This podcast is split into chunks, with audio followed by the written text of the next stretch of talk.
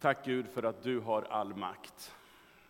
Tack för att du har vunnit seger på Golgata.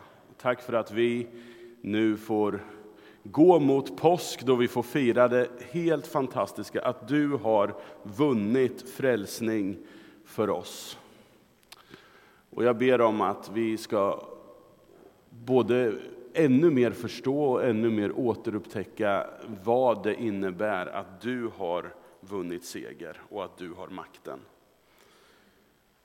I Jesu namn. Amen. Under några veckors tid så har vi levt i en förberedelse för påsk här i Korskyrkan där vi eh, tittar på frälsning i 3D. Frälsning i tre dimensioner. Eh, nu i påsk så kommer vi ju att fira, kommer vi att fira eh, vad som hände på den där första kristna påsken för drygt, ja inte drygt, utan snart 2000 år sedan. Men, och, och det kommer vi göra genom att ha tre samlingar, och jag kan poängtera det redan nu, att på torsdag så möts vi för en skärtorsdagsmässa här. Den kommer vara 18.30. Det står 19.00 i, i det här tryckta programbladet, men 18.30 är tiden. Och det står även på hemsidan och kommer förmodligen också i tidningen. 18.30 på torsdag. 17.00 på långfredagen möts vi också för en gudstjänst då vi får fokusera på de händelserna som ägde rum på fredagen. Och sen på påskdagen klockan 10 då firar vi det helt fantastiska att graven är tom, Jesus lever, döden har fått stryk. Fantastiskt. Eh, och inför påsk så håller vi då på att återupptäcka det här med frälsningen och vad det innebär. Eh, och frälsningen innebär ju att Gud har räddat den här världen. Hela skapelsen inbegrips i Guds tanke om upprättelse. Men i den här serien så tittar vi på vad det innebär för oss människor, för oss individer, att Gud har kommit med frälsning och erbjuder oss den. Eh, och det gör vi dels för att vi själva som kristna påminns om att frälsningen har flera dimensioner än vi kanske vant oss vid att tänka. Men också för att visa att evangeliet är relevant för alla människor i alla tider. Beroende på vilka existentiella problem människor brottas med så finns det alltid en ingång för evangeliet. Och det är det som är poängen med den här serien, att se att även om en, min granne eller min arbetskamrat eller vem det än jag möter kanske inte riktigt tar till sig evangeliet på det sättet som jag tog till mig evangeliet, så finns det alltid en, en eh, anknytningspunkt för hur Jesus kan bli relevant. Och det är en poäng med den här serien. Redan i Bibelns inledning så ser vi ju hur synden kommer in i världen genom att människan vänder sig bort från Gud. Det berättas ju att Adam och Eva inte eh, inte gör efter Guds vilja, utan man vänder sig bort från Guds vilja. Synden gör sitt intrång, men mänskligheten ställs inför tre nya problem som inte har funnits i världen tidigare. Skuld. Man förstår vad det innebär att göra fel. Man drabbas av skuld. Skam. Man gömmer sig för Gud och man gömmer sig för varandra därför att man tror inte att man ska bli accepterad. Och så har vi skräcken, eller fruktan eller rädslan. Tillvaron är inte längre trygg och hemma, utan det finns element och faror, frestelser att vara på sin vakt mot. Och så har vi tittat på det här på olika sätt då, att alla kulturer präglas av de här existentiella dimensionerna, men med lite olika tyngdpunkter. Och vi har tittat på den här triangeln, där, där det då finns en teori om att alla kulturer rör sig någonstans i det här spänningsfältet mellan skuld, skam och skräck. Och beroende på vilken av de där som är dominant så, så ser kulturerna lite olika ut och man brottas med lite olika problem. Eh, historiskt sett så har den svenska kulturen haft en tyngdpunkt på skuld, menar många. Det har varit en enhetskultur, där det har varit ett ganska stort konsensus kring det här är rätt och det här är fel, och sen så har man då kunnat eh, navigera i det. Men nu menar många så håller tyngdpunkten på att förskjutas mot skam. Och det tittade vi på förra gången lite grann, det här med skam. Hur har kyrkan hängt med i det? Vad behöver vi betona för att människor ska inse sitt behov av Jesus i Sverige idag? I en ny kultur. Och det här är ju inte statiskt, utan alla de här tre dimensionerna samspelar ju i vår kultur och kanske också i våra liv. Och i våra respektive liv ser det här kanske lite olika ut. Och vi tittar ju då på hur svarar evangeliet om Jesus på de här problemen som människor kan ha i relation till respektive problem. Skuld, skam och skräck. Och vi har fyllt i en matris under gångerna här. Skuld för två, tre veckor sedan, skam förra veckan och idag så ska vi fylla i den understa raden här angående skräck. Där vi ska beskriva en typisk skräckkultur, vad som är problemet med människor som brottas med skräck. Vad har evangeliet att säga? Vad, vad var det för seger som vanns på Golgata för de människorna som lever i skräck? Och vad får det för konsekvenser för våra liv och vad det innebär att vara församling och kyrka utifrån det. Så låt oss nu fylla i den sista raden i, i den här matrisen, så vi fullbordar den. Många av de kulturer som utifrån ett sociologiskt perspektiv då skulle ha sin tyngdpunkt i fruktan eller skräck, kanske är de som vi i vårt rationellt präglade västerland skulle betrakta som mest främmande. Eh, vi kanske till och med beskriver dem som primitiva och i ett sorts stadie som vi lite grann tycker att vi har lämnat bakom oss. I en typisk kultur eller fruktankultur så formas beteendet eller präglas av att hålla sig väl med osynliga makter och krafter i tillvaron. Krafter som man anser styr och ligger bakom det som händer och sker. Så att det, det, som då är ett acceptabelt beteende i en sån här kultur, det är det som också anses hålla makterna på gott humör.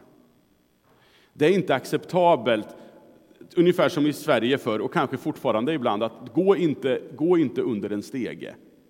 Gör inte det, för då kan det bli dåligt. Eller lägg inte nycklarna på bordet. sådär. Gör inte det, det är fel. Så, ni, ni är med på det. Det gör man ju inte. Eller så. Man gjorde inte det förr i alla fall. Det, men så länge jag inte gör det så, så, är jag inom ramen för vad som är acceptabelt.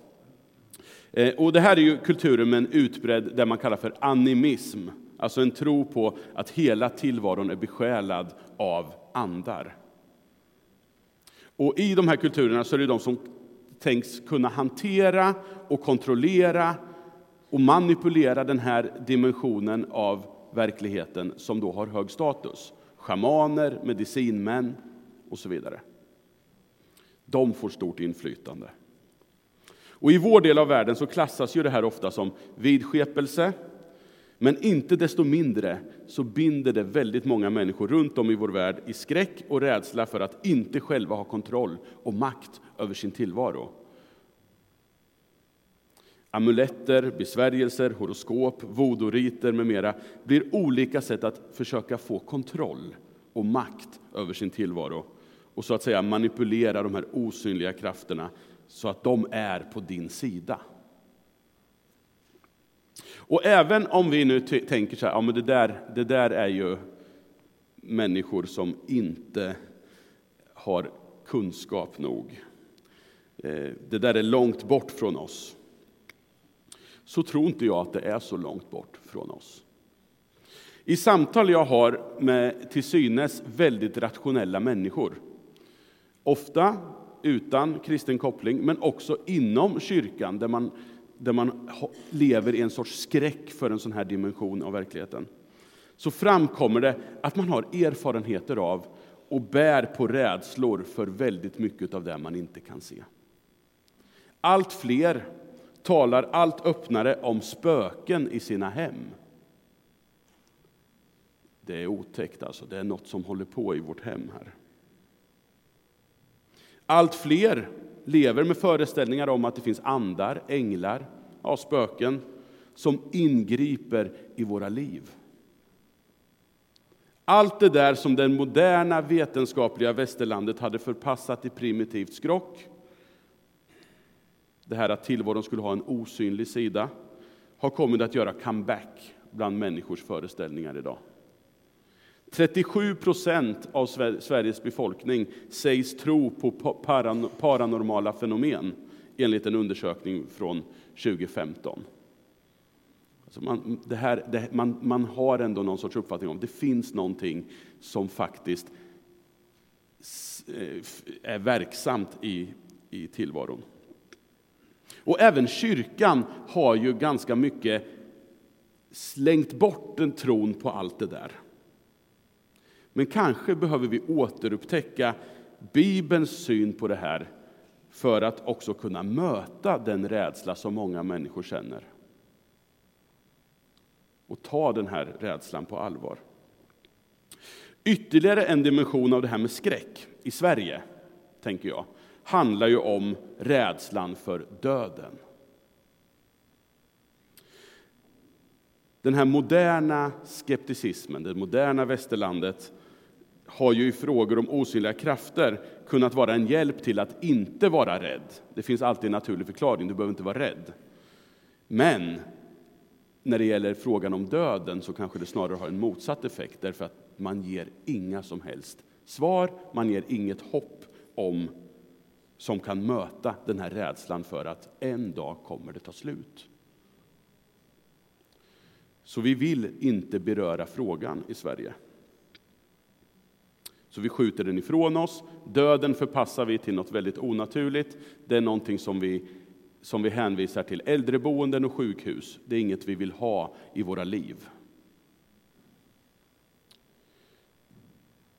She walks with her head in the sand, they will never die.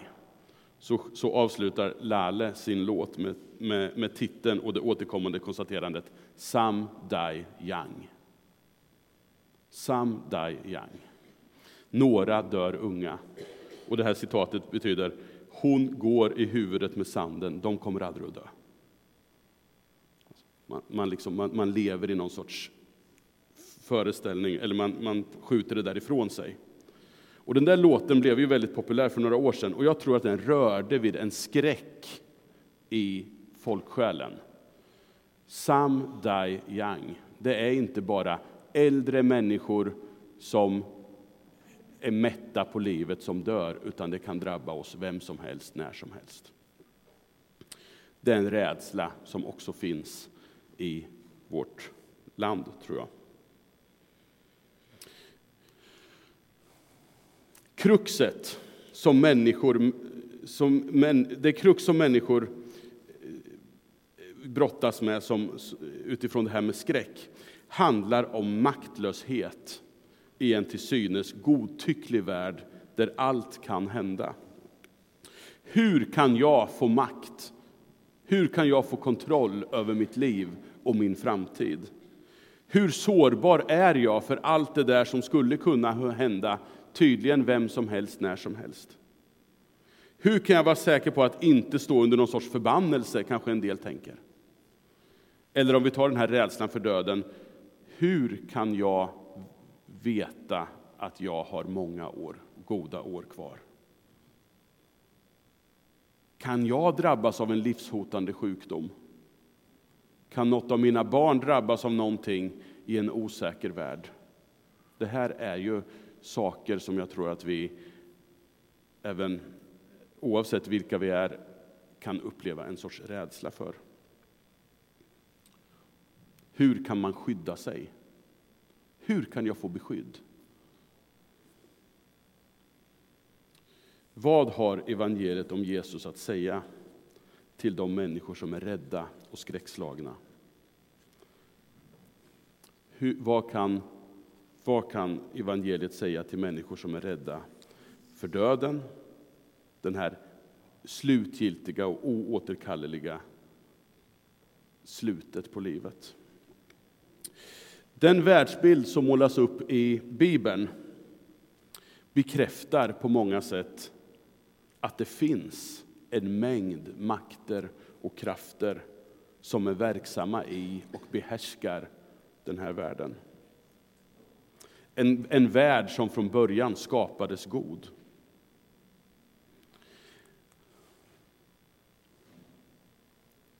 När människorna som Guds ställföreträdande förvaltare, alltså Gud hade gett människan makt över världen. Det berättas om det tidigt i, i den bibliska berättelsen. Men när de här som hade fått makten vände sig bort från Gud så hamnade också människan hamnade också makten i händerna på ondskan som vill förstöra världen och förslava människor i rädsla. Rädsla och skräck som i sin tur har lett till att människans sökande, människans tillbedjan efter hjälp vänds åt fel håll. Gud väljer dock att inte liksom vända den här skapelsen ryggen, utan han väljer att ta fighten, att ta striden mot ondskan. Och så vill han uppenbara vem som verkligen har makt att befria. Och i befrielsen av det här slavfolket Israel från Egypten, från det mäktiga Egypten, imperiet, så blir Guds makt synlig i världen. Men genom hela Gamla testamentet så ser vi hur det här folket har svårt ändå att lita på att det är Gud som har makten. Utan man hemfaller gång på gång till att hamna i slaveri under andra makter som man hellre vill sätta sin tillit till. Världen är i händerna på en annan makt än Gud. Det är liksom konsekvensen av att människan vänder sig bort från Gud, så har också makten hamnat hos någon annan än Gud. Paulus ger en sorts bakgrundsdiagnos på världen. Allt skapat har lagts under tomhetens välde, skriver han. Inte av egen vilja, utan på grund av honom som vållade det. Och så är det en hänvisning till Adam, då, de första människorna. Det är de som har vållat att världen har hamnat i, i, i andra, andra händer än Guds. Och även Johannes skriver i sitt, brev, sitt första brev, vi vet att hela världen ligger i den ondes våld. Världen behärskas av en annan makt än Gud. Så att när i evangelierna så kan vi ju, finns det en berättelse om när, när Jesus frestas av Satan. Efter hans dop så, så erbjuds Jesus makten över världen under villkoret att Jesus tillber Satan och bekräftar att denne faktiskt har makten. Och Det här är en rejäl frestelse för Jesus. Jesus ifrågasätter inte Satans auktoritet över världen. Men han går inte själv in under den auktoriteten. För det skulle vara ett sätt att erövra makt som skulle göra Jesus till slav under de makter han kommit för att besegra. Och han avstår det här erbjudandet. Han, till skillnad från det folk som skulle förverkliga den kallelsen, han faller inte för frestelsen att söka makt på ett annat sätt. I Jesus ser vi sen i hans tjänst så blir Guds befriande kraft fullt ut synlig i det han gör och det han säger. Han befriar människor som på olika sätt som på olika sätt hamnat i makters våld. Vare sig det handlar om demoner, sjukdom, sociala och religiösa utanförskap. Jesus kommer och upprättar och befriar från makterna. Och så talar han om att Guds rike är nära. Nu ska Gud återta makten över världen. Och då ser det ut på ett sådant sätt att människor blir befriade, förlåtna och upprättade på livets alla plan. Världen vänds rätt. Så ser Guds styre, Guds makt ut. Till skillnad från de makter som behärskar världen. Men då blir det ju så att när Jesus kommer med, med den makten så står ju inte den högt i kurs hos de övriga makterna som på olika sätt behärskar den här världen. Alla makter, religiösa, politiska, andliga, sociala, alla de makterna samverkar till att Jesus döms, utsätts för tortyr och hängs på korset. Och på korset så sker då det mest avgörande slaget när Jesus tar itu med alla dessa makter på samma gång. Och framför allt den värsta makten av dem alla, döden. Men inte ens där, på korset, i den striden så blir Jesus en del i den spiral av våld, hämnd och hat som hittills behärskat den här världen. Utan istället ber han Fadern om förlåtelse och sina bödlars vägnar. Inte ens i den värsta av situationer så blir Jesus slav under makterna. Jesus dör fri från deras inflytande. Paulus han beskriver det här på ett, i ett sammanhang som att alla de här samverkande makterna blir förlöjligade i korshändelsen. Gud avväpnade härskarna och makterna och utsatte dem för allas förakt när han triumferade över dem genom Kristus. Det här är ett av mina favoritställen. Det är som att man ser framför sig hur härskarna och makterna står där vid korset och liksom har gett allt för att Jesus ska bli som vi. Men de står där med brallorna nere, om ni ursäktar bilden. Man har gett allt för att Jesus ska svika sin kallelse att älska och förlåta. Men det gick inte.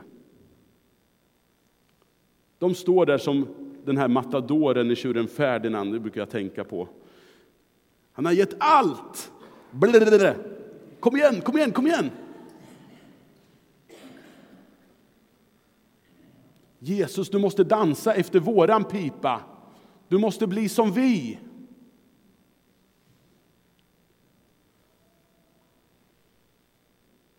Men det var inte Ferdinand som fick lämna den där arenan i en sorts förödmjukelse, utan det var matadoren.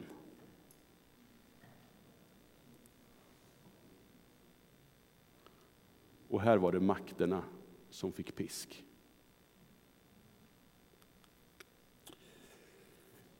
I uppståndelsen så blir det uppenbart att till och med döden får lämna den här arenan besegrad. Världen har en ny härskare, en ny makthavare som genom död och uppståndelse liksom har vridit makten ur de alternativa makternas händer och öppnat upp tillvaron för en ny verklighet. Guds styre, Guds regim, Guds rike är här. Makten över tillvaron vilar inte längre ytterst i händerna på godtyckliga, meningslösa makter som det liksom gäller sig att hålla väl med, som man behöver vara rädd för, utan i Guds goda, sårmärkta händer av kärlek och barmhärtighet.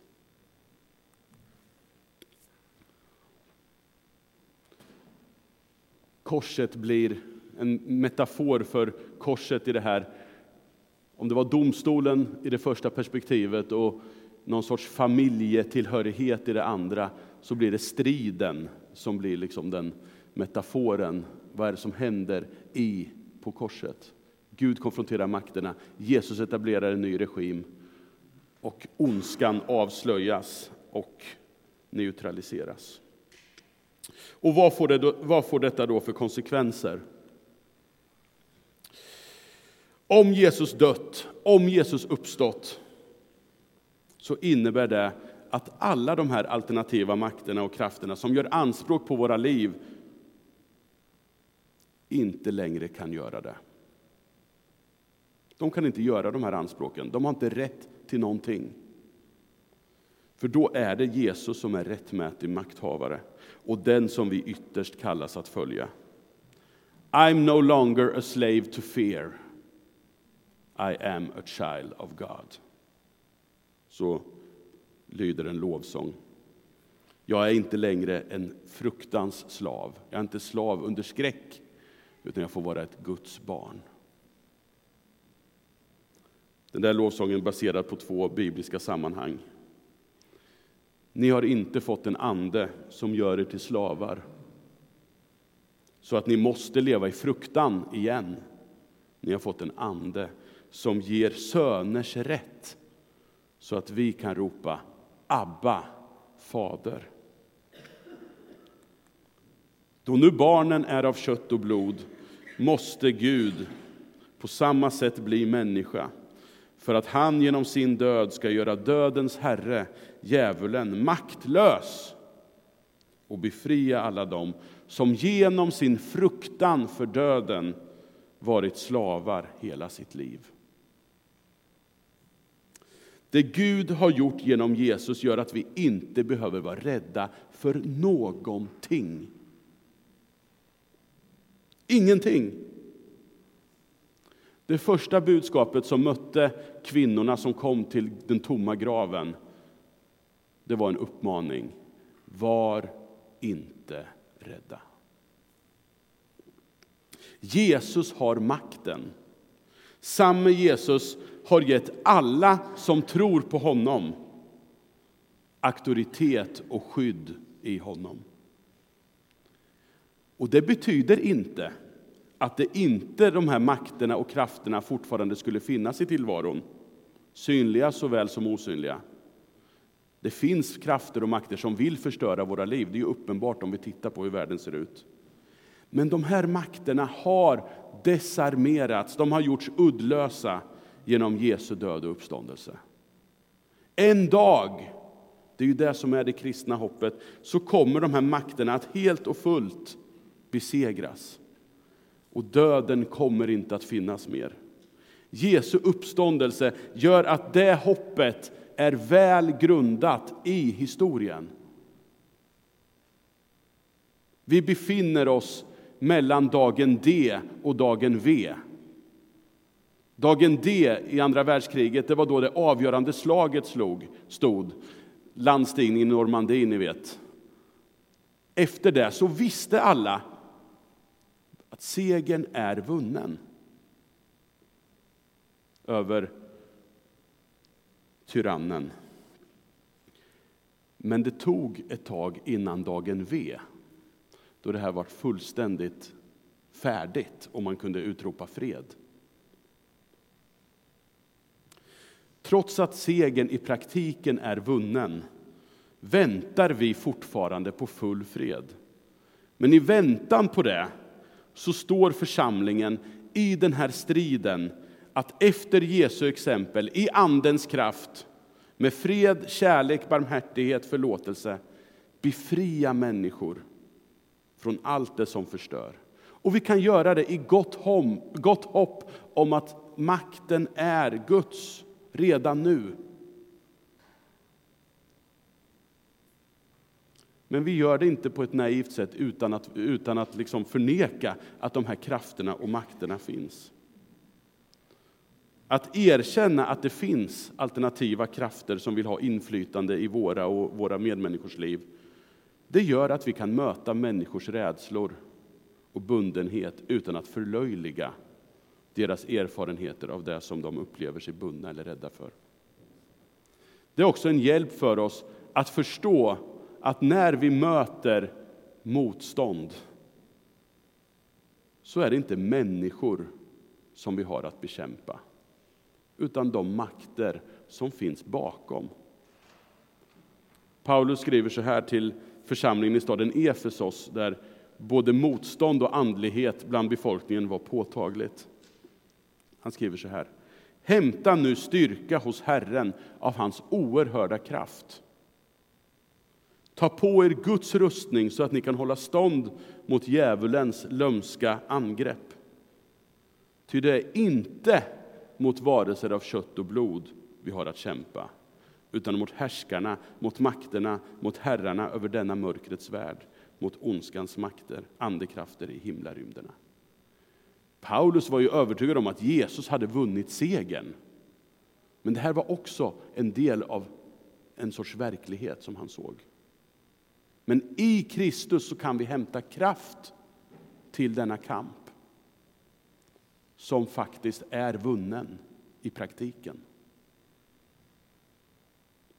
Makten är i Jesu händer. Allt är honom underlagt, sjöng vi. Men det ger heller inga garantier för att våra liv blir fantastiska och bra i meningen långa och lyckliga liv med ekonomisk framgång och allt det där. Men oavsett det så behöver vi inte vara rädda, inte ens för döden.